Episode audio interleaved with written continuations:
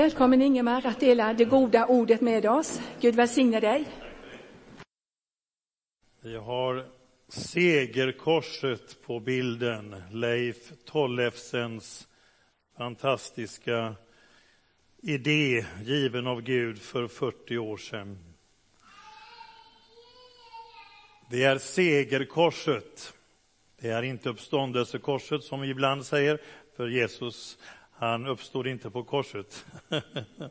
Utan det här är segerkorset, konstnären Leif Tollefsen. Jesus är uppstånden. Jesus är uppstånden. Jesus är uppstånden. Ja, han är sannerligen uppstånden. Halleluja! När jag var 16 år fick jag en fråga av Karin, som då hette Nilsson.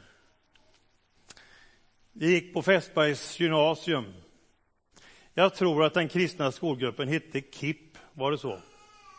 K kristen i plugget.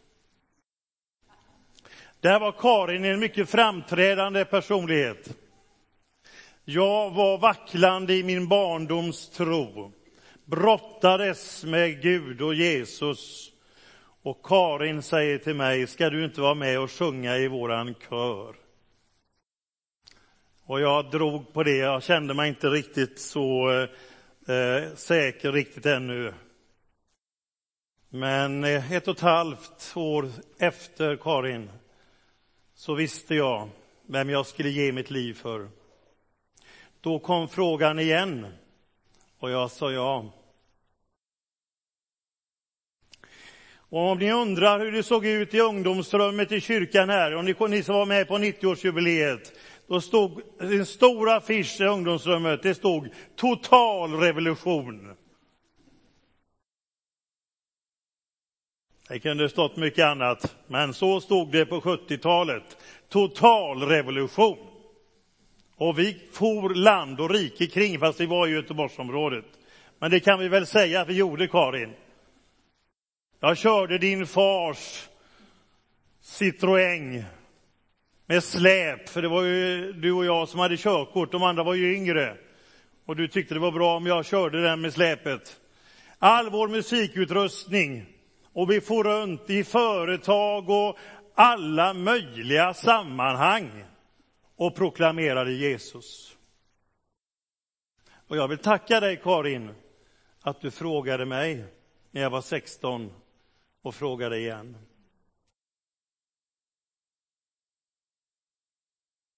Och jag vill tacka dig Sven, jag har gjort det förut, men att du kom och sa att det behövs en tenorsaxofonist. Kan inte du vara med och spela? Jag kan ju inte spela, det spelar ingen roll, sa, sa du. Vi ordnar en tenorsaxofon till dig och noter så får du sitta nere i källaren hemma och öva. Det gjorde jag. Tills det, det, du tyckte att nu, nu, är det, nu går det. Ja. Och vi var 40 och jag vill tacka dig Sven för det. Det var någon som frågade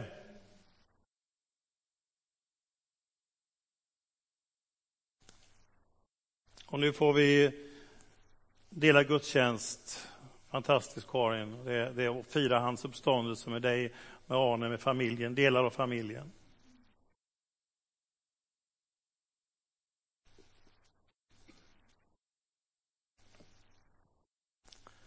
Sörjande kommer kvinnorna till graven. Och de finner till sin förvåning att stenen som var där för graven var bortrullad. Den vägde ju ett och ett halvt ton.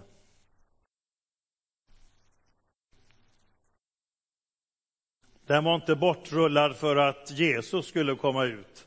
Han hade inga sådana problem. Den var bortrullad för att de skulle kunna komma in.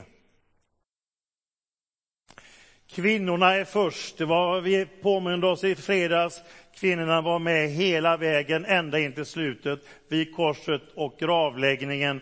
Och det är också förutsättningen att vittna om uppståndelsen. Och de är förvånade, vad är han?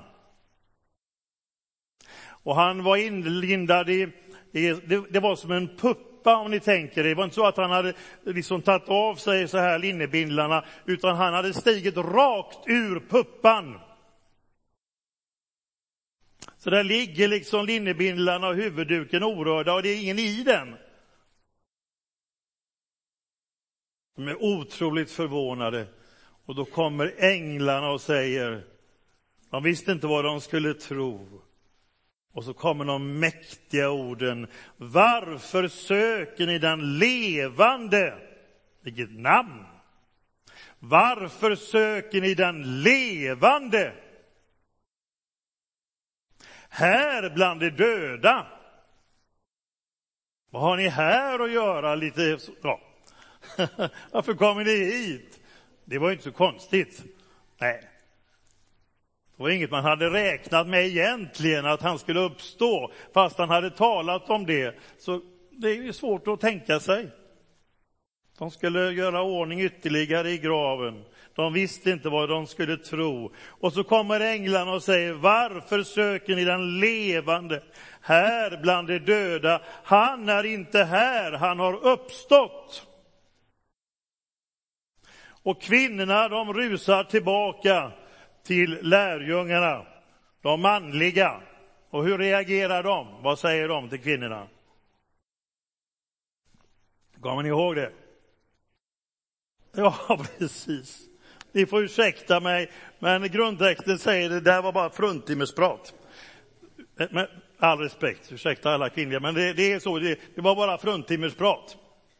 För så, så, så, så, alltså kvinnans vittnesbörd var inte lika trovärdigt på den tiden som männen, som någon konstig anledning.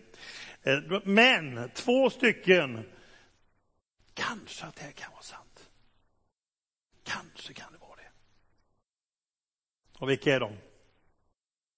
Det är Petrus och det är Johannes. Och de springer Lukas han, han, eh, han tar inte med vad Johannes tar med. För vad tar Johannes med om språngmarschen? Det är lite kul. Vad tar han med för någonting som han tyckte var viktigt att vi ska läsa i 2000 år i påskevangeliet? Vad, vad lägger han till för notis där? Ja, vem som sprang fortast, kan ni tänka er det? det är inte mycket till påskevangelium. Hade kvinnor skrivit evangelierna tror jag inte det hade stått. Nej. Det är något manligt syndrom. Johannes kunde inte låta bli. Han skriver där ene sprang fortare. Ja. ja, nu var han ju 16 år antagligen. Petrus kanske var 30, så det var inte så konstigt kanske. Men det är en notis som Johannes tycker var viktig att vi har med, så att eh, han sprang fortare. Ja, så bara så det är klart, liksom, läget är klarlagt.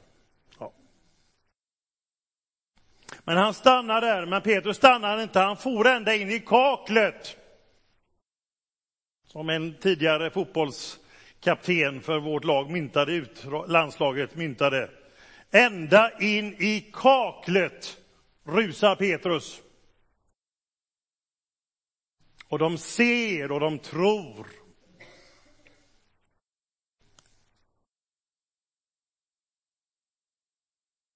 Och 50 dagar senare förkunnar Petrus på pingstdagen glatt segerbudskapet. Israeliter, lyssna på mina ord. Jesus från Nasaret, en man vars uppdrag Gud bekräftar inför er genom att låta honom utföra kraftgärningar, och under och tecken mitt ibland er, som ni själva vet. Han utlämnades efter Guds beslut och plan och ni lät laglösa spika fast och döda honom. Men men Gud löste honom ur dödens vånda och lät honom uppstå eftersom det inte var möjligt att döden skulle få behålla honom i sitt grepp. Denne, nämligen Jesus, har Gud låtit uppstå och vi kan alla vittna om det.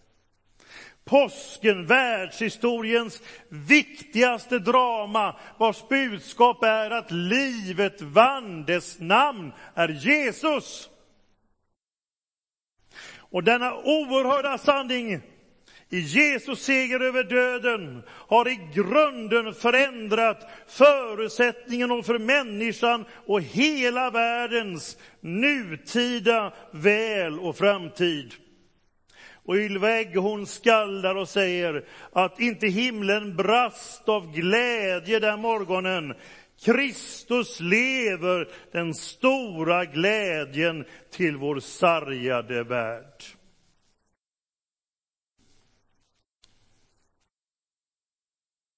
Det var en man som upplevde att hans tro var på sparlåga. Han tänkte att han ska bege sig till det heliga landet. Och det är en märklig upplevelse. Det är länge sedan jag var där nu, men jag tyckte det var starkt. Och besöka den tomma graven och Golgata och, och Livberget där Kristus en gång ska komma och stiga ned. Och så säger den här mannen till sin pastor att jag ska sätta mig där vid graven och meditera och be och det kanske händer något med mig. Men då sa pastorn, vad ska du där och göra? För det är det enda stället det står att han inte är. Ja. ja, vad ska du där och göra? Han är ju inte där.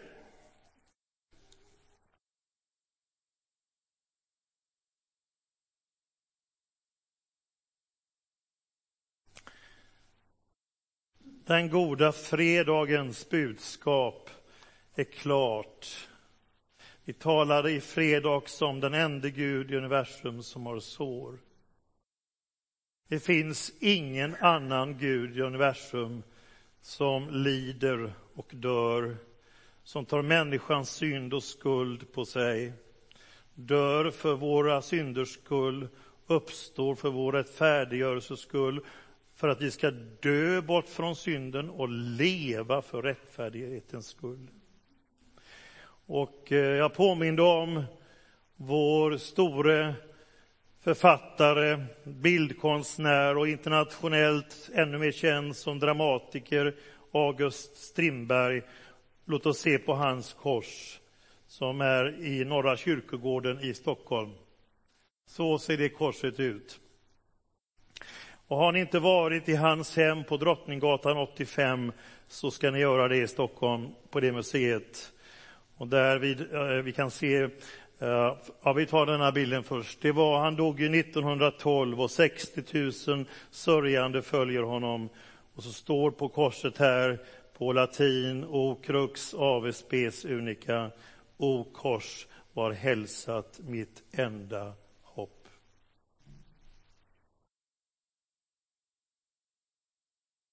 Och vi kan, ta, hinner, kan vi ta den bilden fast jag inte hade förberett den Mikael, med hans nattduksbord? Här kommer den. Det är en Jesusgestalt, en bok om Jesus, Bibeln, ljuset och ett glas vatten. Nu tar vi segerkorset igen. Det glada budskapet, påskens budskap är klart. Livet vann, dess namn är Jesus. Döden har inte fått sista ordet, utan livet.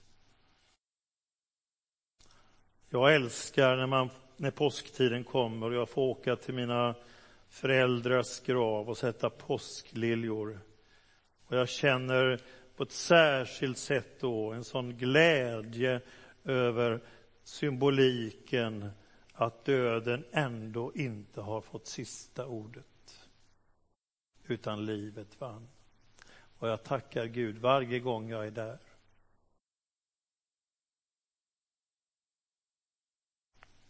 Segerkorset lägger grunden, den tomma graven, för nytt mänskligt liv. Jesus kom inte för att skapa en ny religion, utan för att befria människan till ett genom den helige Ande sant mänskligt liv. Och lägger grunden för en ny värld och världsordning. Jesus talar om världens återfödelse, mina vänner. Det finns ett individuellt hopp. Jesus säger, jag är uppståndelsen och livet. Den som tror på mig ska leva om han än dör, och den som lever och tror på mig skall aldrig någonsin dö. Men det finns ett hopp för hela vår värld. Det finns ett kollektivt hopp. Paulus predikar så här inför Areopagen i Aten.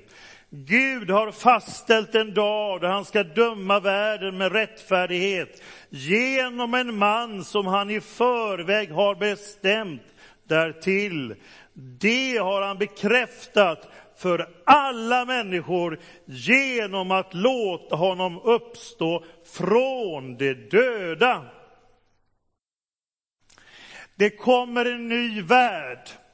Ibland har man fått för sig att kristendomen talar om eh, död och undergång och apokalyps, allting slut och jorden går under och domedagsprofeter och alltihopa. Det är inte så. Det talar Bibeln inte om. Utan när Johannes får sin vision så säger Gud, se jag gör allting nytt. Och Jesus talar om världens återfödelse. Den Gud som kommer. Kristi slut på korset var hans verkliga begynnelse. Begynnelsen låg dold i slutet och det är ett kristologiskt mönster i hela Jesu undervisning, i eskatologin, läran om de yttersta tingen, att begynnelsen ligger, alltså är, är, eh, ligger dold i slutet, det kommer någonting nytt. Vi talar hoppet. Det är hoppets tecken vi har här. Det är inte död och undergång och fördärv, utan en ny värld. Och Petrus skriver, efter hans löfte väntar vi på nya himlar och en ny jord där rättfärdighet och rättvisa bor. Och det kommer inte från New York, ifrån FN-huset. Det är bra med alla goda krafter så att vi samlas för att göra vår värld så bra som möjligt. Men det kommer genom en person, Jesus Kristus, som kommer att återvända. Och bönen i Fader vår, låt din vilja ske i himmelen så på jorden, kommer att bli besvarad fullt ut. Därför att Jesus har uppstått. Annars hade vi tillbett fromma läror och allt möjligt som vi sjunger här. Det gör vi inte. Vi är ett folk på vandring till en uppstånden Kristus. Och psalmisten säger, godhet och trofasthet ska där mötas, rättfärdighet och frid skall kyssas.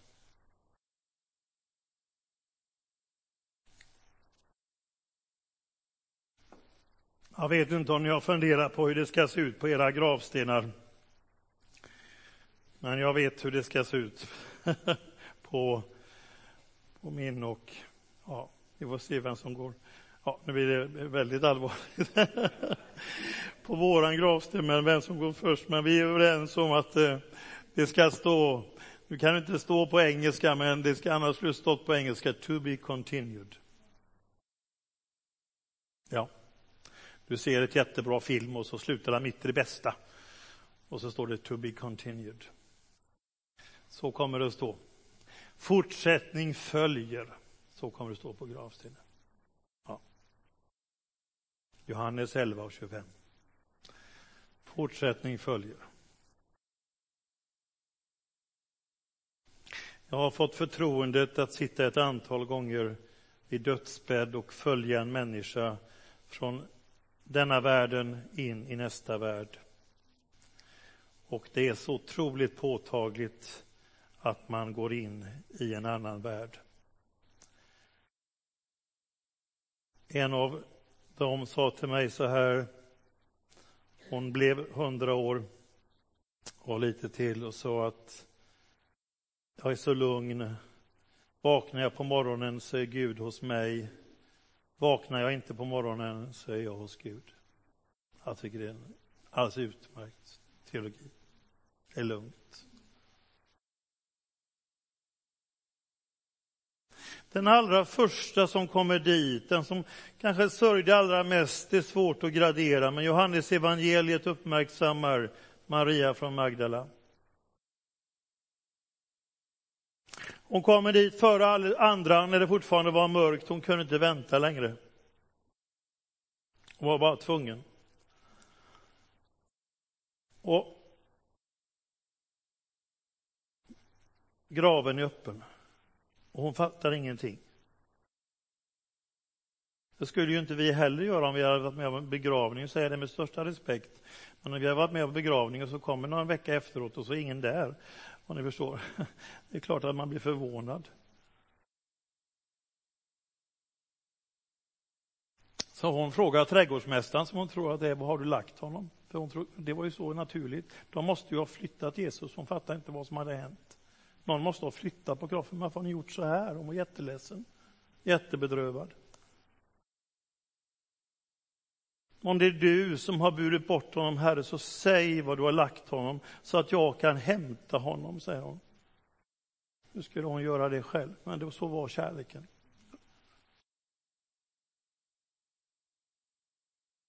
Och då säger Jesus Maria. Den rösten, hon hade hört sitt namn så många gånger, men den rösten och det tonfallet det kände hon igen. Och hon vänder sig om, står det, och ropar Rabuni. Det är diminutiv form av rabbi, mästare, adjektivet förminskat, förminskningsord och betyder egentligen min älskade lille mästare, säger hon. Maria, hon vänder sig om och säger Rabuni.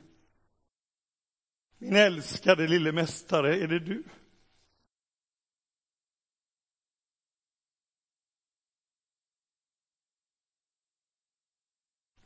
Få repliker i världslitteraturen har en sån laddning. Jag tror inte det finns något liknande. Det finns inte med i de andra evangelierna. Jag tror inte du kan hitta i litteraturvärlden överhuvudtaget i nutid eller hela antika världen, vågar jag påstå, när Jesus säger Maria. Och hon känner igen rösten och säger min älskade lille mästare.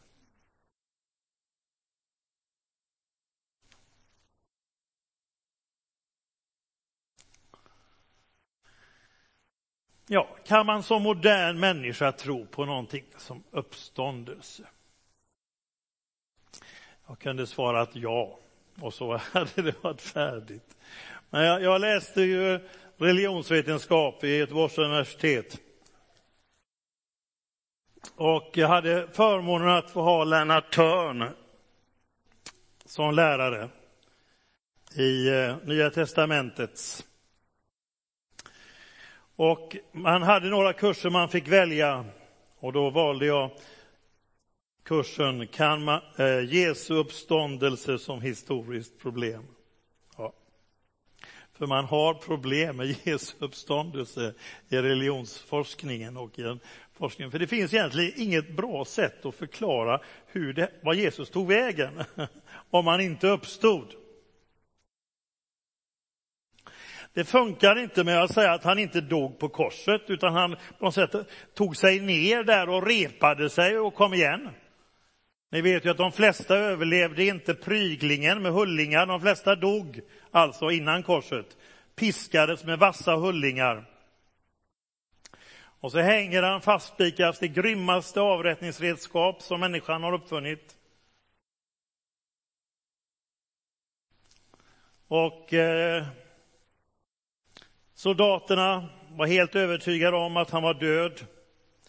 Annars hade de inte tagit ner hans kropp, för hade de låtit en fånge undkomma hade de riskerat dödsstraff. De kollar läget, de sätter en, för att verkligen se till att han är död, sätter in spjutet rakt in i sidan i hjärtat. Det kommer ut blod och vatten, säger Johannes. Och det betyder att blodet har koagulerat och skilt sig från blodplasman, något som vi idag känner till som ett säkert medicinskt tecken på att döden har inträffat. Men det hade Johannes inte en aning om då när det skrevs, för det visste man inte på den tiden. Så han kunde inte diktat ihop det, han bara konstaterade att blod och vatten kom var för sig. Men han visste inte vad vi vet idag, att det är ett medicinskt tecken på att man är död. Andra då kan man tänka sig att lärjungarna skulle ha rövat bort Jesus. De eh, får bort alla soldaterna och flyttar på ett och ett halvt ton sten och stjäl kroppen och sätter igång ett rykte om att han har uppstått. Ja, men hur troligt är det? Ja. Skulle de vara så glada och pigga sen efteråt? Nej. De var deprimerade, desillusionerade. Och den förvandling som aposteln Petrus går från post till pingst är ju, kräver ju en upplevelse utöver det vanliga, eller hur? Han står ju inte upp på pingstdagen där om han visste att Jesus låg någonstans död. Inte hade de, som de fick göra, de flesta av apostlarna lidit martyrdöden för något som inte var sant säger några, myndigheterna kanske förde bort honom. Men det var ju naturligtvis så att de, de här ryktena spreds att Jesus hade uppstått. Då hade de bara tagit fram Jesus och här, här är han, han är död, ni kan sluta hålla på. Det kunde de inte. Ja, de hallucinerade, säger några då.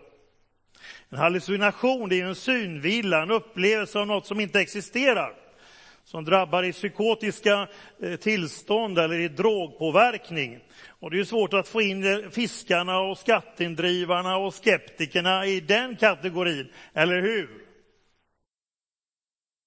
Dessutom var de ju 550 vid ett tillfälle som såg Jesus.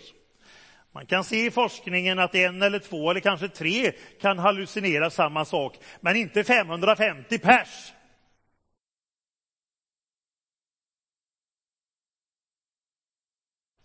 Och dessutom, en hallucination är ingen objektiv verklighet, det är som att se spöken. Men de rörde vid Jesus, de åt en bit, såg att han åt en bit stekt fisk. Han lagade frukost åt dem. Han var ju kock också, den här snickarens son. Han hade ju maten klar när de kom hem från fisket och trodde att allt var kört. Så säger Jesus, kom hit och ät nu. Ni behöver något att äta och hämta er här. De åt och drack med honom efter uppståndelsen. De hade långa samtal om Guds rike i 40 dagar. Det gör man inte med ett spöke. Och Johannes säger det vi har hört, det vi har sett och med egna ögon, det vi har skådat, det vi har tagit på med våra händer, det förkunnar vi livets ord. När Paulus skriver brevet till Korint så är det 20 år efter Jesu död. Han refererar där till historiska personer som var med när Jesus uppstod. Och det hade ju naturligtvis varit så om man idag refererar till kända personer, till ett vittne, till en händelse som aldrig hade inträffat. Då skulle man ju gå ut och säga det, det var inte så. Men han refererar i Korinthierbrevet och namnger personer som var med 20 år tidigare. Bland de 550 och så kvinnor och barn så nämner han vid namn. De hade ju läckt kan man säga, nej Paulus, det var inte så vi var med, han, han uppstod inte. Nej, för de hade varit med och var bevittnat. Det hade varit lätt som en plätt att ta död på det i så fall. Men det var inte så. Han hade uppstått. Och sen kristendomens enorma... Eh, innan jag säger det ska jag säga så här också. Eh, ursäkta jag igen då, till, att de tänkte att det var fruntimmersprat. För att skulle man diktat ihop uppgiften om den tomma graven så skulle man ha satt manliga vittnen Ni får ursäkta damerna, men om man skulle fejkat detta så skulle man i alla fall sagt till att det var manliga vittnen som kom först. Men de, de justerar inte den historien, för den gör den lite sårbar i början, att det var kvinnor som vittnade först. Sen gjorde ju männen det också. Men skulle man diktat ihop det, så skulle den, för att det inte skulle vara så lite svagare och sårbar för att det var kvinnor först, då skulle man fixat det direkt och sagt att bara det var männen som såg det, okej. Okay. Men det var kvinnorna som såg, männen var lite trögare. Ja. Men den kristna tron, den tomma graven, är förutsättningen för att vi ska sjunga påskens salmer. Men det är våra egna möten med den uppståndne och gemenskapen med honom som gör oss till påskens människor. Det är ditt och mitt möte. Kristen tro är inte ett åsiktspaket att ta ställning till för eller till, utan det är en verklighet att beröras av. Jesu uppståndelse bekänner vi. Det är kyrkans bekännelse och vi bär den i oss. Men det är djupare än så. Det är en verklighet att leva i. Kristus är uppstånden i våra liv. Det är orsaken till den enorma, enorma spridningen och hastigheten som kristendomen har utöver världen och idag i vår värld, där det finns mer kristna människor än någonsin, som har mötts och berörts av den levande Jesus.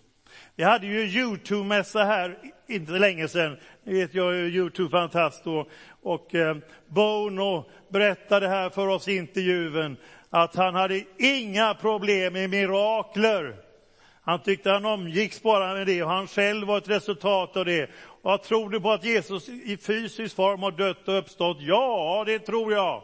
För jag tror inte att så många människor genom historien och nuet skulle säga så här, vi har blivit berörda av Jesus, och det inte är så. Därför att han själv var berörd och sin familj av Jesus den uppståndne. Och till sist. Jesu uppståndelse innebär att hoppet om de dödas uppståndelse kunde bli en tro, en fast tro. Därför att de dödas uppståndelse hade börjat med Jesus lite tjuvstart med Lazarus och eh, lite tjuvstart är det när Jesus dör. För det står i Matteus att det var en del döda och när stöten kom där och jordskalvet så kom det upp några stycken som fick liv, säger Matteus, och kom in där tillbaka in i stan. Det är ju bara en sån sak. Till släktkalaset är det jag igen. det var ju faktiskt så. Men med Jesus så börjar det hela. Och det är klart att har Gud satt det hela i rullning så att säga, så kommer det att fortsätta. Gud har satt igång. Och lärjungarna, hans övriga, Jesu övriga vänner, de blir nästan bryskt ryckta ur sin sorg. Varför sörjer ni? Han lever ju. Och han lever ett odödligt himmelskt liv som döden inte kan göra någonting åt. Inte det minsta. Och sen så ser vi att urkristendomens sammankomster och gudstjänster, det var ju väldigt muntra tillställningar. Ja, det är inte alltid kyrkan har fattat den galoppen. Vad står det? Jo, de höll samman och möttes varje dag troget i templet och i hemmet bröt de brödet och höll måltid med varandra i jublande uppriktig glädje. Det var jubelmöten och festlighet och eukaristi. På långfredagen hade de gömt sig och låst om dörrarna, alla dörrar som gick med allt som gick. Nu stod dörrarna på vid gavel ifrån samma hus hördes sorl och glada röster, skratt och jubelsång och halleluja. Vad tror grannarna tänkte? Där har de ju suttit alldeles inbunkade och motståndaren som trodde nu hade vi fått stopp på den här folkuppviglaren från Nasaret för alltid och fått tyst på honom. Och så skiner hans anhängare som solen och har roligt och stormroligt. och deras uppslupna glam hörs lång väg, för Jesus är uppstånden.